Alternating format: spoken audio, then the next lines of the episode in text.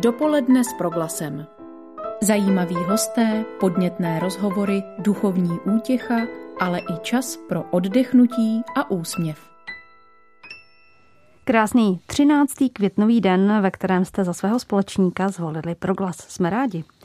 Dnešním dopoledni se to jen hemží novináři a není to náhoda. Už o tomto víkendu totiž budeme slavit Světový den sdělovacích prostředků a proglas přichází se zcela novým pořadem s názvem Za 5-5. Nabídne setkání s výjimečnými hosty a rozhovory na relevantní a aktuální témata, která často mohou být vnímána jako morálně problematická nebo zatížená stereotypy. Na publicistických 45 minut se těšte každou sobotu od 16.55 a potom vždy v podcastech. Pořad chce být vstříc náročnému a kritickému posluchači. A na jeho přípravě se podílí dvojice zkušených novinářů. Těmi jsou Hana Šarfová a Petr Vizina. Oba teď mý hosté. Díky, že jste tady. Dobré dopoledne. Hezké ráno. Dobré dopoledne. Pohodu do všech koutů, kde nás právě posloucháte, přeje i navzdory dešti Kateřina Rožová.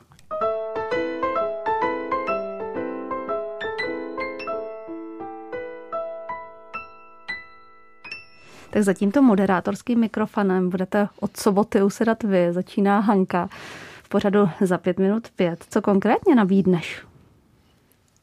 Je to pro mě rozhodně novinka, protože 45-minutové rozhovory nebo pořady jsem v této formě a v rádiu ještě nenatáčela, takže se moc těším a pokusím se vzít sebou posluchače vždy do nějakého zajímavého regionu s hostem, který k tomu má osobní vztah. Takže bych ráda představila lidi, kteří mají rozhled, eh, nějakým způsobem jsou aktivní ve světě a zároveň umějí poutavě vyprávět o místě, které je zaujalo nebo kterému se profesně či jinak věnují. Tak já už se cítím úplně naladěná. Kam konkrétně vyrazíme v sobotu?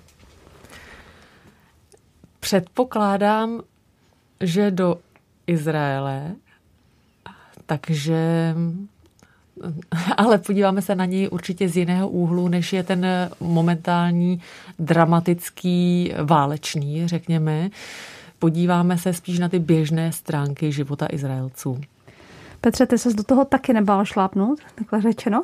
Krásně, začínáš velmi těžkým tématem, představ ho.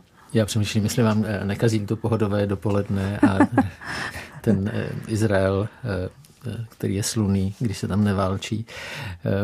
Já jsem si přece vzal, že by to mělo být něco trochu zneklidňujícího, což si myslím, že do k rádiu pro vlídný domov taky patří. Takže jsou věci, které nám vrtají hlavu a nejsme si tak úplně jistí, jak to má být a kdo by nám měl říct nebo nějak inspirovat, jak to má být. Tak já jsem si eh, po smrti Petra Kellnera, což byl nejbohatší Čech, všiml, jak je pro nás těžké to téma pěty, jak vlastně nevíme, eh, nakolik třeba nekrolog má být realistický portrét toho člověka, nebo se v tom nekrologu mají objevovat eh, věci, které prostě nás zneklidňovaly už za života toho člověka, jak vlastně mluvit o mrtvých. A zdá, jak říká to antické přísloví, mluvit o mrtvých jen dobře. Eh, já se ještě zeptám, já jsem v úvodu říkala, že chcete, chcete mířit k náročnému a kritickému posluchači. To je poměrně velká výzva. Jak k tomu přistupujete? Co to pro vás znamená? Tak určitě jde o to pokusit se o mm, dosažení určité kvality toho mhm. pořadu a zároveň zvát i takové hosty, které, kteří mají co říct i lidem, kteří toho sami o sobě hodně vědí. Petře? Pro mě to znamená být náročný a kritický hlavně sám k sobě. Mm. Nikdy vlastně toho posluchače nepodceňovat. Neříkat, že takhle je to tak nějak dobré. Eh, pořád se snažit být vlastně vůči sobě náročný. Se zákulisí nám prozraďte, jak, jak ta témata hledáte? Přicházejí k vám nebo studujete, inspirujete se třeba u jiných kolegů? Jak to, jak to vypadá v praxi? Tak začnu dobře. Mm-hmm. Pro mě je velmi důležité, vždycky, když hledám témata, to je vlastně eh, součást mé práce už léta, že zjišťuji, jestli to eh, zneklidňuje mě, jestli nějakým způsobem je to i pro mě téma. Že to není tak, že bych nějak frivolně rozhodil síť a řekl si, no tak tohle baví lidi na Facebooku, tak pojďme z toho udělat ještě rádio.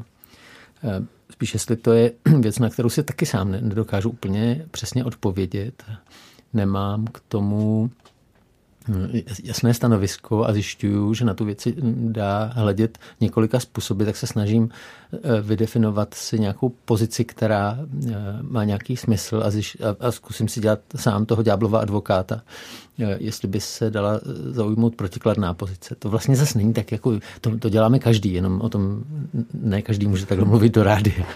Jo, že vlastně se hádáme sami se sebou a říkáme si, tak měl si být jízdlivý, ale jízdlivost je ošklivá, neměl jsi být jízdlivý. A tenhle ten vnitřní dialog vedeme, tak já se snažím ten dialog převést do rádiového pořadu. Hani, taky vedeš dialogy? Ano, neustále.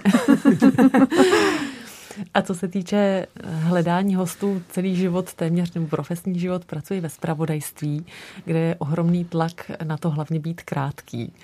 Mm, miluju písničku Marka Ebena, který zpívá, jak se každá píseň, kterou eh, napíše, musí vejít do minuty, tak v podstatě to je životní pocit Eh, novináře, který pracuje ve spravodajství, protože už je rozdíl, jestli napíšete reportáž na minutu 30, na minutu 40 nebo dokonce na minutu 20 a musíte to umět zkrátit za každých okolností. A tady najednou se otevřelo okno s eh, velkým výhledem a úžasným prostorem, zkrátka 45 minut pro hosta, kterému normálně v pořadu, který moderuji v České televizi, v pořadu Horizont, můžu dát 3 až 4 minuty. A velmi často se mi stává, že si říkám, je, ale to je tak zajímavá osobnost, s tou bych si chtěla eh, povídat mnohem déle, mnohem více se toho dozvědět o jeho postojích, eh, o tom, co ví. A doufám, že tady bude ta platforma, kde eh, tito zajímaví hosté, znalí věci budou moci na mnohem větší ploše představit svá témata. Je to velká výzva? Ano. Zároveň bych bránil trochu tu, um, tu nutnost být uh, v některých uh, situacích a ohledet krátký, protože to znamená, že umíte vybrat to nejdůležitější. Často se mluví o médiích, že jsou zkratkovitá a že, že dělají jenom takové štěky. Já si myslím, že jsou v životě situace, kdy prostě musíte být krátcí, kdy musíte vybrat z toho, co je obsáhlé, jedno téma, které nějakým způsobem bude svědčit o povaze toho celku, čili to, co dělá Hanka v televizi, to, co já dobře znám, že jsem v té televizi pracoval 10 let, tak není nic, co by člověka nutně frustrovalo, ale je pravda, že najednou je možnost doslovit eh, ty věci, které byly definované jenom tím sloganem třeba. Počkej, vážně to není frustrující vybrat z té široké nabídky něco, co je opravdu zúžené a ty víš, že by to třeba stálo za to to dopovědět, nějakým způsobem doříct. Fakt, fakt to není něco, co prožíváš? Já tady dneska vycházím asi člověk, který frustruje hlavně sám sebe. Tak eh, frustrující pro mě je, že třeba uh, uvažuji, jestli jsem vybral ten správný slogan, nebo uh-huh. jestli jsem vybral to správné, ten správný motiv z toho celku. Jo? Že vlastně nejvíc frustrující pro novináře je, že z podružnosti udělá hlavní téma a hlavní toho téma by si vůbec, eh, tématu by si vůbec nevšiml. To myslím, že je víc frustrující, než když nemá hodinu na to, aby eh, do nekonečna omílal něco, co vlastně jako se dá říct krátce. Jaké to je žít v rychlosti toho spravodajského světa? Roky, Hanko. Vlastně člověk se v tom svým způsobem s lety zdokonaluje, ale právě nesmí ztratit tu ostražitost, o které mluvil Petr, aby byl stále bdělý a opravdu s nejlepším vědomím a svědomím se snažil vybrat to, co je důležité, nechat promluvit v kontroverzních tématech eh, obě strany aby nezapomněl pokud možno zmínit něco důležitého, ale je to tak, člověk eh, žije v neustálém dilematu volby, co ano, co už ne, co stihne, co nestihne, zda dát eh, prostor třeba lidskému příběhu obyčejného člověka nebo vyjádřením důležitých potentátů. Mezi tím se stále rozhodujete, chcete všechno, ale mm-hmm. nemůžete mít všechno v podstatě jako v životě. No, mě by zajímalo, jestli vlastně pro vás tady tohle, co máte za sebou, znamená, že už jste ostřílení, takže jste jako v pohodě, anebo přece jen před ten mikrofon přistupujete s respektem a s takovým tím pocitem, aby to dobře dopadlo, aby tam zaznělo, co má. Hmm, takové pořekadlo, že respekt se bude dlouho a dá se ztratit velmi, eh, velmi rychle. Tak to si myslím, že platí pro novinářskou profesi a není vlastně pro mě já se zase budu frustrovat. Není pro mě nic horšího, než vidět člověka, který si vybudoval nějaký respekt a potom už mu přišlo, že už tak všechno nějak viděl, slyšel víceméně už se nemusí moc připravovat, nemusí se moc učit a už to tak nějak jako, jak se říká eh, dneska eh, tím hovorovým jazykem, on už to tak nějak dá z, z hlavy, jo.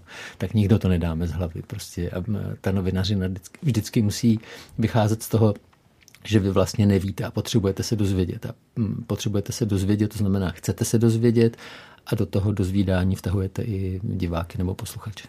Máš to podobně? Určitě.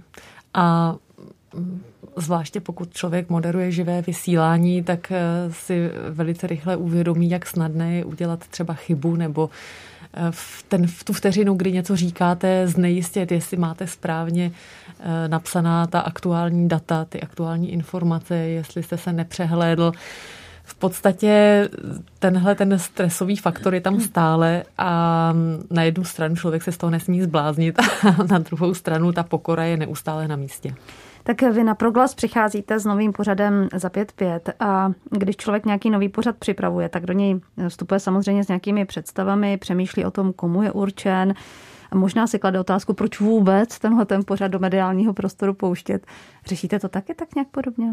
Jaké otázky si v téhle souvislosti kladete vy? Petr se Šibalský dívá, je to na tobě. Nefrustruj se, prosím Ne, tady se nebudu frustrovat. Eh, tady možná je eh, dobré prohodit pár vlídných slov eh, o proglasu. Já vlastně sleduju proglas s velkými sympatiemi dlouho.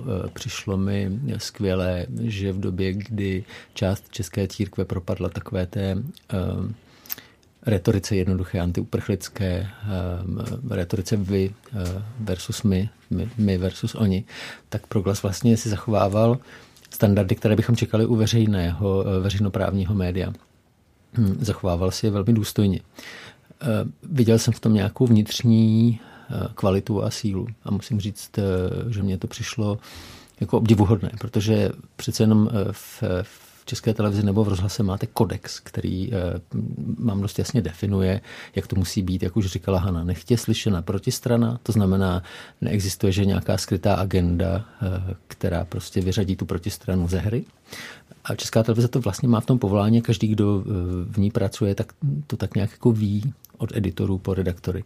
Proklas vlastně by tohle nemusel dělat, a protože je to dobré eh, médium, tak to dělá a sám, sám sobě. Navíc je financovaný prostě z příspěvků lidí, kteří ho poslouchají.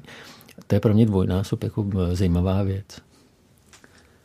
Anko, chceš dodat něco konkrétního? Myslím, že Petr to řekl velice krásně, že to vystihl. Mě byl proglas vždy taky velmi sympatický a myslím si, že je vždycky dobré přinášet eh, do různých prostředí různá témata, která tam třeba tolik dominantní nebyla. Takže doufám, že to tak bude, že my na vlny rozhlasu, eh, proglasu pardon, přineseme zase trošku jiná témata, trošku jiný úhel pohledu a doufáme také, že ten pořad si najde své posluchače. Možná, možná teda, když už jsem uh, skončil s frustrováním a teďka mluvím v Lídně. Je, další věc zajímavá je pro mě vždycky, že médium je nějaké prostředí, nějaký, uh, nějaká jako chemie. Jo? A vždycky je zajímavý, uh, nebo zajímavé, pardon, to je pražsky, jestli v tom médiu vyrůstají nějací noví lidé, kteří prostě nějakým zajímavým způsobem už v raném věku nějak uchopují prostě to svoje téma. A to myslím, že se na proklasu taky děje. No tak jako, hm, takže vlastně jenom, abych vám to nepokazil. Jsme rádi, že jste tady s námi, nejenom dnes dopoledne, ale i ve vysílání. A naši posluchači, pokud chtějí, mohou se vás také ptát. Cesty sem k nám jsou živě zavináč proglas.cz nebo dotaz pošlete prostřednictvím SMSky a tu potom směřujte na číslo 775 132 132. Posloucháte dopoledne s proglasem dnes s Hanou Šarfovou a Petrem Vizinou. Dopoledne s proglasem. Tak já bych vás teď malou chvíli představila našim posluchačům podrobněji profesně. Hanna Šarfová vystudovala mezinárodní vztahy na VŠE, studovala také na univerzitách ve Švýcarsku, v Berlíně a na Fakultě sociálních věd Univerzity Karlovy. Pracovala pro německou veřejnoprávní stanici ARD a od roku 2003 působí v české televizi. Více než čtyři roky informovala z Německa jako zahraniční zpravodajka České televize a je držitelkou ceny Novinářská křepelka. Petr Vizina vystudoval teologické nauky a aplikovanou etiku na Katolické teologické fakultě Univerzity Karlovy v Praze. Působil v redakcích Lidových a hospodářských novin a sedm let vedl redakci kultury zpravodajství České televize. Je držitelem Dobrovského ceny za svou práci o etice dialogu. Právě dialog, v němž se partneři snaží dobrat pravdy, považují autoři za tradiční křesťanskou hodnotu. Pluralita pohledů a kultura vzájemného respektu pomáhá budovat kulturu snášenlivosti a dialogu. Tolik krátké představení vás obou, mimochodem oba nositelé cen. Hanko, jak vzpomínáš na novinářskou křepelku?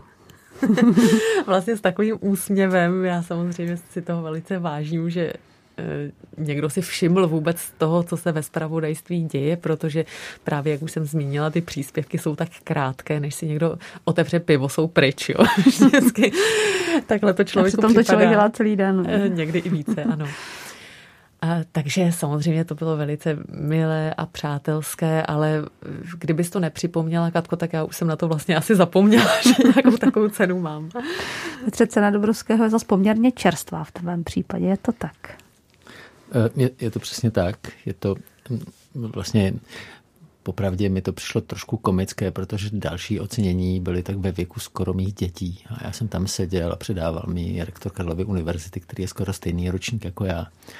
A já jsem si připravil tak jako legračně, já všichni říkali, ne, to je dobrý, to je, fajn.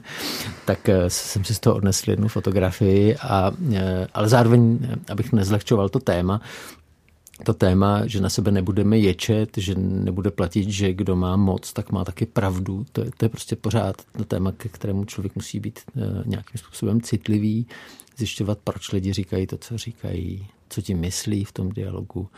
Tak známe to z domova každý, že? No, počkej, ale jaká je etika dialogu v médiích?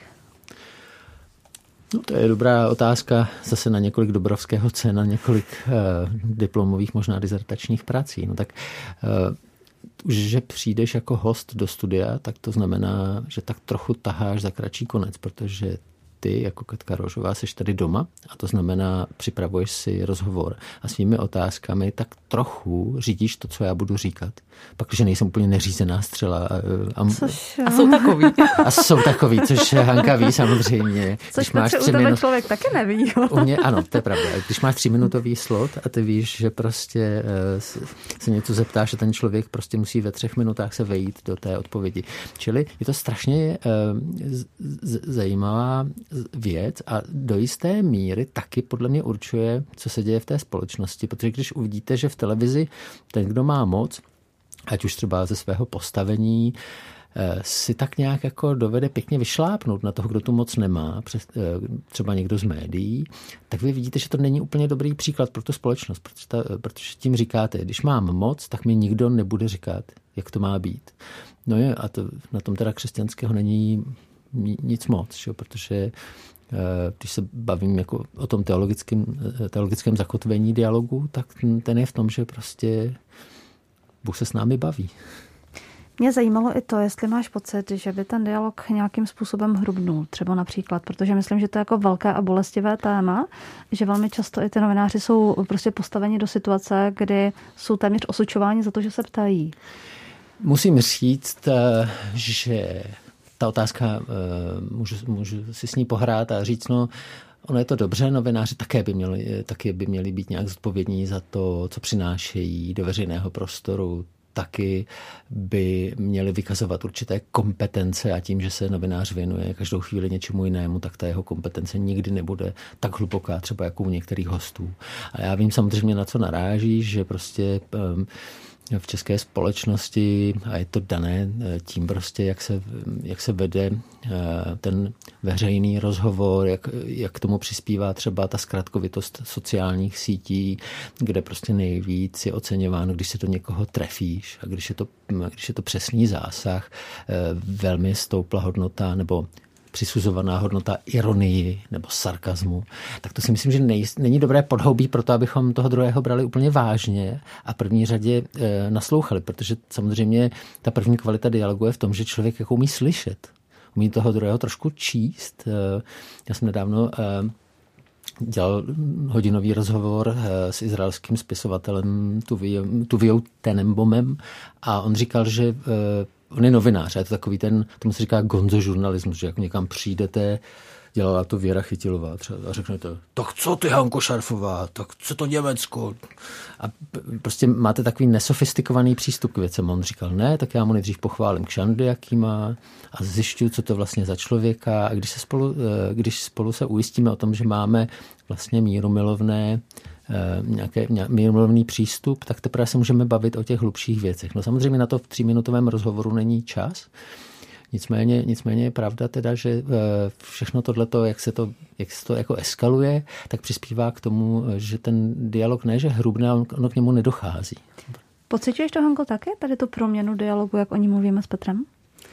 Když se budu držet eh, z toho svého kopita v zahraničním zpravodajství, je trošku specifická situace, kdy většinou hostem jsou odborníci a tam ten dialog bývá obvykle kultivovaný. Mm-hmm. Samozřejmě jako zpravodajka jsem eh, také pokládala otázku různým státníkům a tak dále a třeba někdejší francouzský prezident Nicolas Sarkozy eh, na můj dotaz, který byl tak trochu na tělo, reagoval nepotěšen, řekneme. řekněme. Takže opravdu člověk se samozřejmě i v zahraničním zpravodajství setká s hrubšími reakcemi reakcemi, ale není to ta frontová linie, kterou zažívají kolegové, kteří se zabývají domácími politickými tématy. To je opravdu eh, taková ta eh, mela, to je ten ring, kde se boxuje a kde udržet eh, vysokou úroveň dialogu, zároveň slušnost, ale dobrat se těch citlivých věcí, získat odpověď je veliké umění a musím tímto vyjádřit velký obdiv především řadě těch moderátorských kolegů, nejen z české televize, ale zvláště, kteří tohle to brilantně zvládají, protože to je velice těžká disciplína. Ale co se týče toho hrubnutí dialogu, tak jsem zaznamenala v posledních, řekněme, osmi letech možná hrubnutí eh, takového toho následného dialogu novinářů nebo médií s publikem. A to je ohromná změna, na kterou jsem nebyla zvyklá. A v tom směru, že eh, někteří diváci začali, a je, je to častější, výrazně častější než dříve, psát třeba velice hrubé e-maily. Mm-hmm. S tím jsme se nesetkávali, nebo já osobně jsem se s tím opravdu léta v takové formě nesetkala. Samozřejmě, když některý divák nesouhlasil třeba s pojetím reportáže, tak se ozval. Já jsem vždycky mu slušně odpověděla, nebo jsme vedli třeba nějaký dialog, aspoň po e-mailu. Ale od určitých uh, událostí, které mám za to, že jsou spojeny uh, s mezinárodním politickým děním, uh, se rozhojnily takové salvy mm, velice hrubých útoků. A to mě trošku mrzí, protože tam vlastně prostor pro dialog, když někdo napíše takovýhle e-mail, vlastně ani není. Ano. Protože tam nelze v tom dialogu pokračovat. Tam už ty úvodní pravidla jsou natolik narušená, že není možné říct si, dobře, máme třeba různý postoj, udělali jsme to proto a proto, mohl by člověk odkázat na fakta, ale když někdo začne prostě pandurskou, tak nemá cenu v tom pokračovat.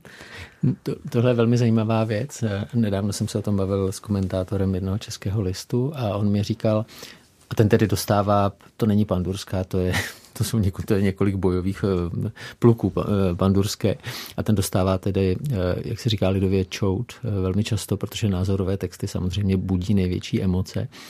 A on má takovou zkušenost, že těm lidem odpovídá slušně. A zajímavá věc z toho vychází, že když na nahněvaný, vulgární a sprostý mail odpovíte slušně, tak se velmi často stává, že ten člověk odpoví slušně zpátky a sám se zarazí, jak reagoval podrážděně, neuroticky a bezúzdně. A z toho mi vychází, že protože jsme schopni rychle svoji emoční reakci jako uplacírovat, jsme schopni hnedka někomu vynadat, protože víme, jaký má mail, nebo mu napíšeme na Facebook nebo na Twitter, tak se nedokážeme, nedokážeme to prodýchat, nedokážeme ten hněv zpracovat a my ho hnedka předáváme dál nebo ho na někoho vrhneme. To je trošku neštěstí té, těch sociálních sítí, jak jsou rychlé a jak, jak dokáží eh, instantně zpracovat náš hněv. Nicméně, eh, a to je zkušenost opakovaná, kterou slýchám, pak, že vy se nenecháte tímhle pohltit, neodpovídáte na zlo zlem, ale eh, snažíte se prostě zachovat vlídný tón, tak se skutečně může stát a stává se to, že ten člověk se dokonce omluví, což je velmi pro mě překvapivé, že on řekne, promiňte, já vůbec nevím, co to se mnou, co to se mnou šilo, co to se mnou zmítalo, že jsem vám napsal takovýhle mail. To byla zkušenost toho mého kamaráda, který je komentátorem a mám stejnou zkušenost. My máme taky stejnou zkušenost, takže potvrzuji, co říkáš, platí to. Nicméně přeci jen, když si člověk přečte tu nahněvanou, rozlobenou, někdy velmi emocionálně neukotvenou reakci, tak to člověka nějakým způsobem zasáhne. Jak s tím pracujete? Asi je důležité mm, zkusit rozlišovat právě, jestli jde o takovou reakci diváka, o které třeba mluvil Petr, eh, o diváka, se kterým lze komunikovat a diskutovat, nebo jestli je to něco, čím se člověk nemá zabývat a nemá stresovat, protože přeci jenom nosit si tyhle věci domů by nemělo smysl. Že Člověk musí s nejlepším vědomím a svědomím pokračovat ve své hm. práci. Hmm. Daří a... se ti to? Myslím si, že jsou způsoby uh-huh. psychohygieny, které pomáhají, když je člověk obklopen lásky plným prostředím, tak to samo o sobě pomáhá. A zároveň ale tady chci říct, že to není tak, že od určité doby chodí jenom z prosté e-maily. Jo. Stále spoustu diváků napíše něco milého, eh, povzbudivého a je to v takové protiváze, takže když tyhle věci položíte na misku vach, tak si řeknete dobře, určitě nedělám všechno perfektně, je to důvod klást si otázky a nějakým způsobem reflektovat eh, svoji práci, ale když je to tak půl na půl, tak je to vlastně v pořádku. Klást otázky můžete i vy, naši posluchači, pokud chcete našim dnešním hostům. Adresa sem živě zavináč proglas.cz nebo číslo 775 132 132.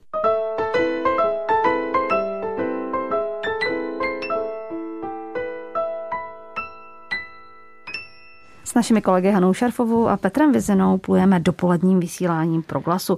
Za moderátorským mikrofonem je uslyšíte v autorském pořadu za 5.5, který v našem vysílání nově naladíte od této soboty vždy v 16.55. Jednou mi můj kolega Dan Draus říkal takovou krásnou větu, kdo to je novinář. Říkal, no to je tak, že když někde hoří, tak všichni utíkají z toho hřícího domu. Jen jeden člověk běží dovnitř, okouknout, co se děje a to je ten novinář. Eh, tak máte to podobně?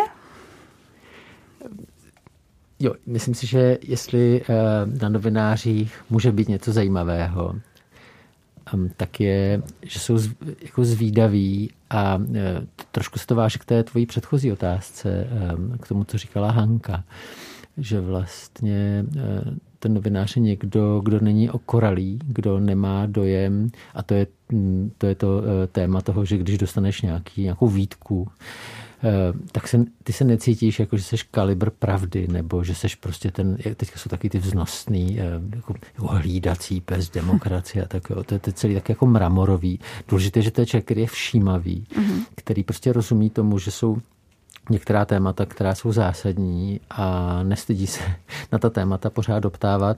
No a s tím Danem Rausem já o tom budu přemýšlet, o tom hořícím domě. No tak já doufám, že se tedy nedostanu do takové situace. Hanko, jak ty bys charakterizovala novináře? Mně se moc líbilo, eh, líbila ta metafora té okoralosti. Já myslím, že na tom novinář právě musí eh, usilovně pracovat, aby neokoral, protože třeba právě v oblasti zahraničního spravodajství vidíte tolik strašných věcí jenom v agenturách, když se posadíte k počítači, které samozřejmě ani nechcete divákům mm. všechny vysílat nebo ovšem informovat, protože by to byla čistokrevná deprese. Takže člověk, ano, nesmí ztratit ten zájem, ale taky uh, smysl pro to lidské. Protože když se z obětí stanou jen čísla, z válek stanou konflikty, z bombardování údery. Ono to tak je samozřejmě stylisticky, protože člověk nemůže opakovat furt ta stejná slova, ale uh, myslím si, že tou misí je stále vidět člověka za každým příběhem a dokud má člověk eh, před očima jiného člověka, tak pak může být, myslím, dobrým novinářem. Hmm. Jo, to, eh, to, to říká Hanka, eh, to je, to je hrozně důležitá věc. K tomu bych ještě přidal, že novinář by měl být realista. Ono se často očekává od novinářů, že budou trošku didaktičtí, že vlastně nás jako o světě poučí. Ale já si říkám, že nikdo si mě neobjednal, abych ho poučoval o světě, ale mm, já si taky objednávám novináře, aby mě poučili. Já si objednávám novináře proto, aby mi řekli, jaké je něco, co já jsem neviděl nebo neslyšel. Aby mě aby mě nějak jako realisticky portrétovali eh, svět, kam já nedosáhnu a jsou takovými jako tykadly pro mě. Tak to je eh, tenhle ten realismus, který ale nás často může šokovat, protože, jak říká Hanka, toho utrpení je hodně, lidské slabosti je hodně a nelíbí se mi moc lakování věcí na růžovo, ale taky se mi nelíbí to, že máte, uděláte agendu z toho, že svět je katastrofický a musíte nějakým způsobem ten realismus uh, uchopit tak, že to vychází přibližně pravděpodobně. My tu máme první pozdrav, ráda vám ho přečtu. Česká televize je jedna z nejkvalitnějších evropských televizí po sametové revoluci. Velice vás zdravím a vaše kolegy, píše nám pan Michal Josef Hamerský. Pozdrav pro vás dva. Pokud děkujeme. chcete, milí posluchači, pište živě zavináč proglas.cz nebo 775 132 132. Já bych se ještě ráda zeptala vlastně na to, jakým způsobem si myslíte, že by měl novinář přistupovat k tématům. Tedy být otevřený k tomu, co se děje kolem a to nějakým způsobem reflektovat. Nebo naopak přinášet něco, čím ta společnost třeba až tolik nežije, možná nad tím nepřemýšlí, nebo kombinace všeho. Já jsem vždy milovala malá témata. Mm-hmm. to jsou přesně ta témata, která se dostávají velice těžko do spravodajství, protože je spousta důležitých a často samozřejmě negativních zpráv, které mají velký dopad a proto tam být musí ale musím říct, že nejraději jsem vždycky natáčela věci svým způsobem okrajové, o tom, jak eh, vznikl v Německu komiks, nebo o tom, kde se uchovávají třeba mm, záznamy nebo mikrofilmy eh, kulturního dědictví, v které jeskyně, jak to tam vypadá, nebo o tom, jak eh, kluk, který žije na řeckém ostrově, má dva metry eh, papírů, eh, protože se mu nedaří vykomunikovat eh, s řeckými úřady otevření rodinného lomu a tohle všechno je úřední komunikace, kterou absolvoval za poslední tři měsíce. Prostě tahle témata o lidech. To se mi zdá svým způsobem důležité a myslím si, že to je ta zpráva o světě, na kterou bychom, zvláště my ve spravodajství, neměli zapomínat i v záplavě těch velkých, těžkých témat. Mě napadá, když slyším Hanu mluvit, že je chyba, že se mi nikdy neposlal žádný pochvalný mail, protože když byla v Německu, tak já jsem to vždycky sledoval jako s velkým nadšením, hmm. protože přesně tenhle ten přístup, eh, to přehrát na malém tématu, na malém reálném tématu, jako velké abstraktní téma, to je přístup, který známe z literatury, prostě Chesterton je toho největší příklad, prostě eh, vlastně náboženské příběhy se eh, odehrávají přes eh, zdánlivě malé téma, jo, přes, přes nějaký něco malého, hmatatelného, tak to, co říká Hanka, to ve mně velmi rezonuje. Myslím, že je třeba, abychom stále pečlivě rozlišovali názor od fakt. Že dnešní doba miluje názory, protože vy mi řeknete názor a já se proti němu vyhraním a už se pereme a máme zábavu na hodinu.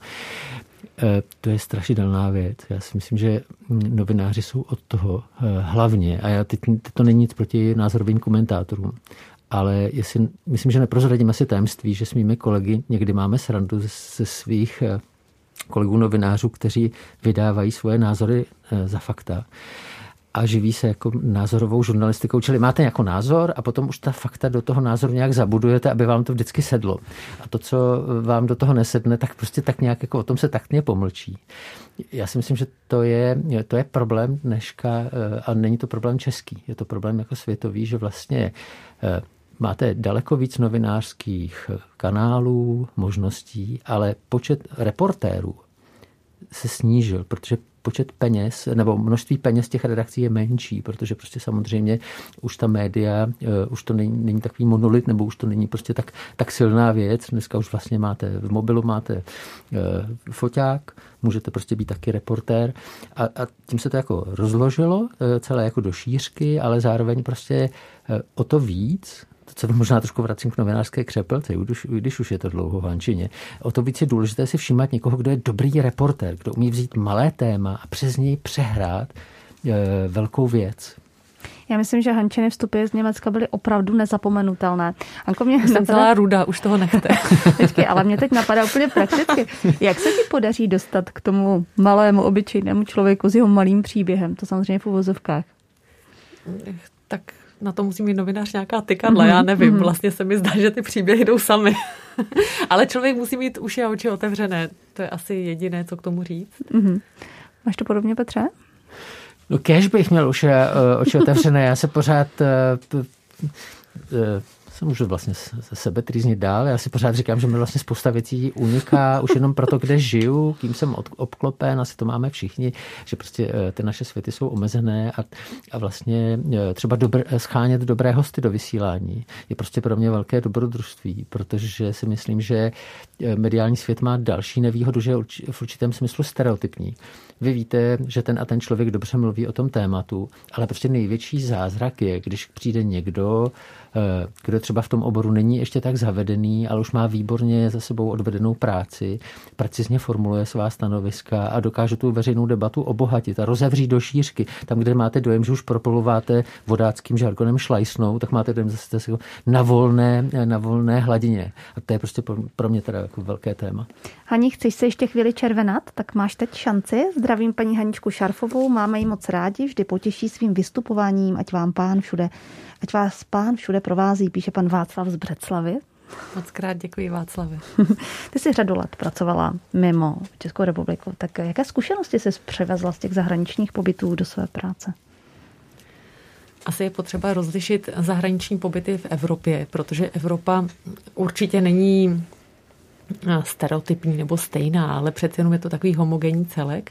A pak jsou oblasti, které jsou úplně jiné. Mm-hmm jiné zkušenosti si člověk přinese z natáčení v Kambodži, z jeho východní Asie, jiné věci ho zaujmou v Severní Americe, jiné v Egyptě, ale vlastně to je ta krása zahraničního spravodajství, že máte šanci eh, šáhnout si na ty věci, na ta místa, přiblížit se těm lidem. A je to vlastně velice obohacující pro člověka samotného, protože se neuzavírá v té své ulitě, ale eh, nějakým způsobem se snaží otevřít těm jiným světům a chápat myšlení jiných lidí, jiných kultur. A samozřejmě tahle cesta nikdy nekončí. Člověk si nemůže myslet, tak teď už jsem byl na tolika kontinentech a teď už všecko umím. Naopak vlastně je to to vím, že nic nevím. Čím víc toho člověk viděl, tím méně toho ví. je nějaké místo, které ti zejména přilnulo k srdci, kam se fakt ráda vracíš nebo na které skutečně ráda vzpomínáš? Velice ráda jsem jezdila natáčet do Řecka, tam jsem se vracela opakovaně v souvislosti s tamní finanční a hospodářskou krizí. A samozřejmě ta témata nebyla úplně povzbudivá, protože jsme natáčeli se spoustou lidí, kteří měli opravdu existenční starosti. Tam už dávno v té době, vlastně po roce 2009, začínala uprchlická krize, která měla přijít do Evropy eh, takto masivně až o roky později. A v to znamená, že ta témata nebyla vždy radostná, ale mě jsou řekové velmi sympatičtí a vlastně se mi zdá, že jsou velice sociální a takový um, bezprostřední přející, relativně nekomerční. prostě spoustu věcí dělají jenom proto, aby někoho potěšili nebo proto, že se to tak dělá. Um, Určitě to je i křesťanství, které je v Řecku silně zakořeněné, byť ne všichni řekové jsou věřící. Většina z nich jsou tedy pravoslavní samozřejmě. A možná, že tahle křesťanská kultura nějak v té zemi, i když má svoje problémy a samozřejmě řekové se také hádají a mají nesměřitelné spory a mají tam také extrémní strany, není to nic růžového ale prostě jsou sympatiční. a našich sympatických hostů se můžete ptát ještě zhruba čtvrt hodiny. Adresa sem k nám živě zavináč proglas.cz nebo číslo 775 132 132. Dopoledne s proglasem. Oba přicházíte do křesťanského rádia, tak se vás zeptám, jestli myslíte, že existuje něco takového, jako je křesťanská žurnalistika. Wow, to je těžké téma. Eh, to záleží samozřejmě, co se tím myslí. Ano. Eh, jestli ti, eh, podle mě, aniž bychom teda měli dlouhé minuty na rozkládání o tom, tak si jako velmi krátce, jo, tak si myslím, že ten specifický křesťanský pohled na svět by měl znamenat, že věřím tomu, že ten příběh křesťanský není dobrý jenom pro křesťany, ale že ho zároveň nechceme nikomu spát do krku eh, a mlátit ho s ním po hlavě. Že věříme, že křesťanství je natolik univerzální, že bude mít eh, projev v různých kulturách, v různých dobách, že bude nějakým způsobem se projevovat ve starosti o bližního, eh, v tom uvažování o spravedlnosti, že všechno to, co v těch evangelích je, tak nějakým způsobem má univerzální platnost. Že to není rádio, které má nás, křesťany, chlácholit a říkat, vy jste dobří, eh, správně jste uvěřili, tam venku je ten svět. Ani to nesnažte se tomu ani porozumět, to je prostě hrozný. Tak ještě jinak, tak eh, co by teda měla být křesťanská žurnalistika? Eh, jak už jsem říkal, já si myslím, že křesťané nemají patent na pravdu, to bychom svým starším bratrům židům asi těžko vysvětlovali. Dokonce myslím, že ani pravdu nemáme patent na nějaké jako průzračné myšlení je na nás větší nárok, si myslím. Hanko? Já nevím, jak to mají ostatní eh, novináři z křesťanského prostředí, ale ve skutečnosti pro mě je tam věčná otázka, jestli vůbec moje práce má smysl a jestli jsem tam, kde mám být, protože zvlášť, když se člověk ocitá ehm, třeba u nějakých humanitárních katastrof, nebo v situacích, kde lidé trpí, tak si říkáte, mám tady opravdu běhat s tím mikrofonem, anebo mám začít nějak pomáhat. Jo? To je veliká otázka, která myslím, nějakým způsobem zneklidňuje a nemůžu říct, že bych na ní dodnes měla odpověď, ale zároveň je při jedné z reportážních eh, cest do Vatikánu mě nějakým způsobem eh, uklidnilo vyjádření papeže Františka o tom, že novináři jsou důležití. A ta vnitřní pochybnost, jestli tedy člověk opravdu dělá něco smysluplného, když to, co vytvoříte, opravdu na tom děláte několik dní a teďka za tu minutu a půl, co proletí éterem, je to pryč. Nestrácíme čas, nestrácíme svůj život pro něco nesmyslného. Ten otazník je tam vždycky, ale v podstatě tahle věta mě trochu zakotvila, uklidnila eh, z mých pochybností a Zkrátka člověk se to musí snažit dělat dobře, to je jediné.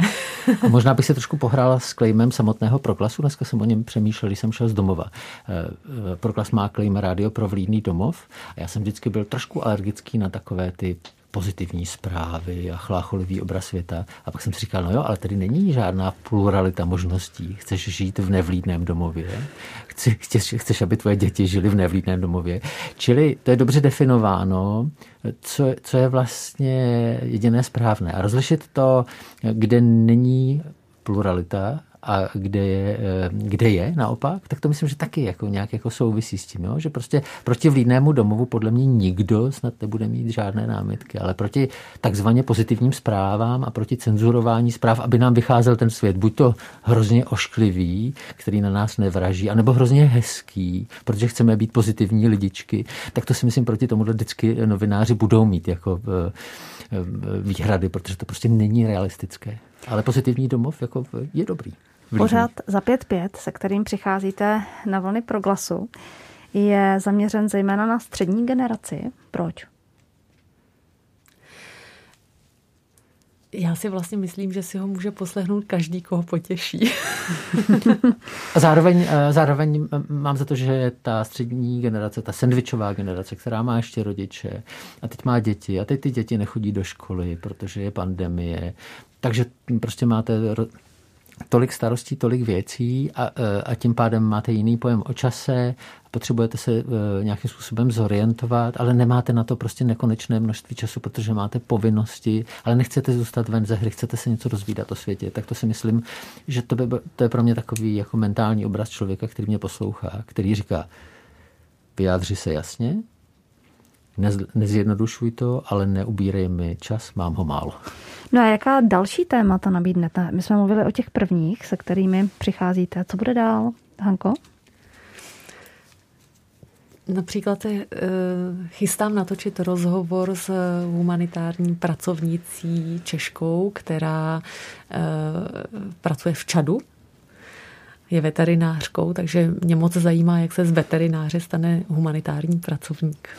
Já mám úplně opačný, eh, opačný jako mentální postup, protože mě vlastně nejvíc zajímá eh, někdo z Česka, eh, o kom se nikdy nemluví, nikdy se nedostává moc do médií a najednou teďka bychom mohli slyšet jeho příběh nebo jeho morální dilema. Já se budu soustředit na věci, které jsou obecnou agendou Eh, jako třeba byl eh, ten odchod Petra Kellnera a eh, to, jak se mluví o mrtvých a posouvat je do nějakých širších souvislostí.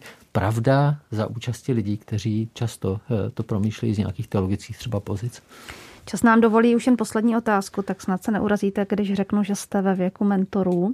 Takže by mě v celku zajímalo, co byste řekli po těch svých profesních zkušenostech svému mladšímu já, co byste mu poradili?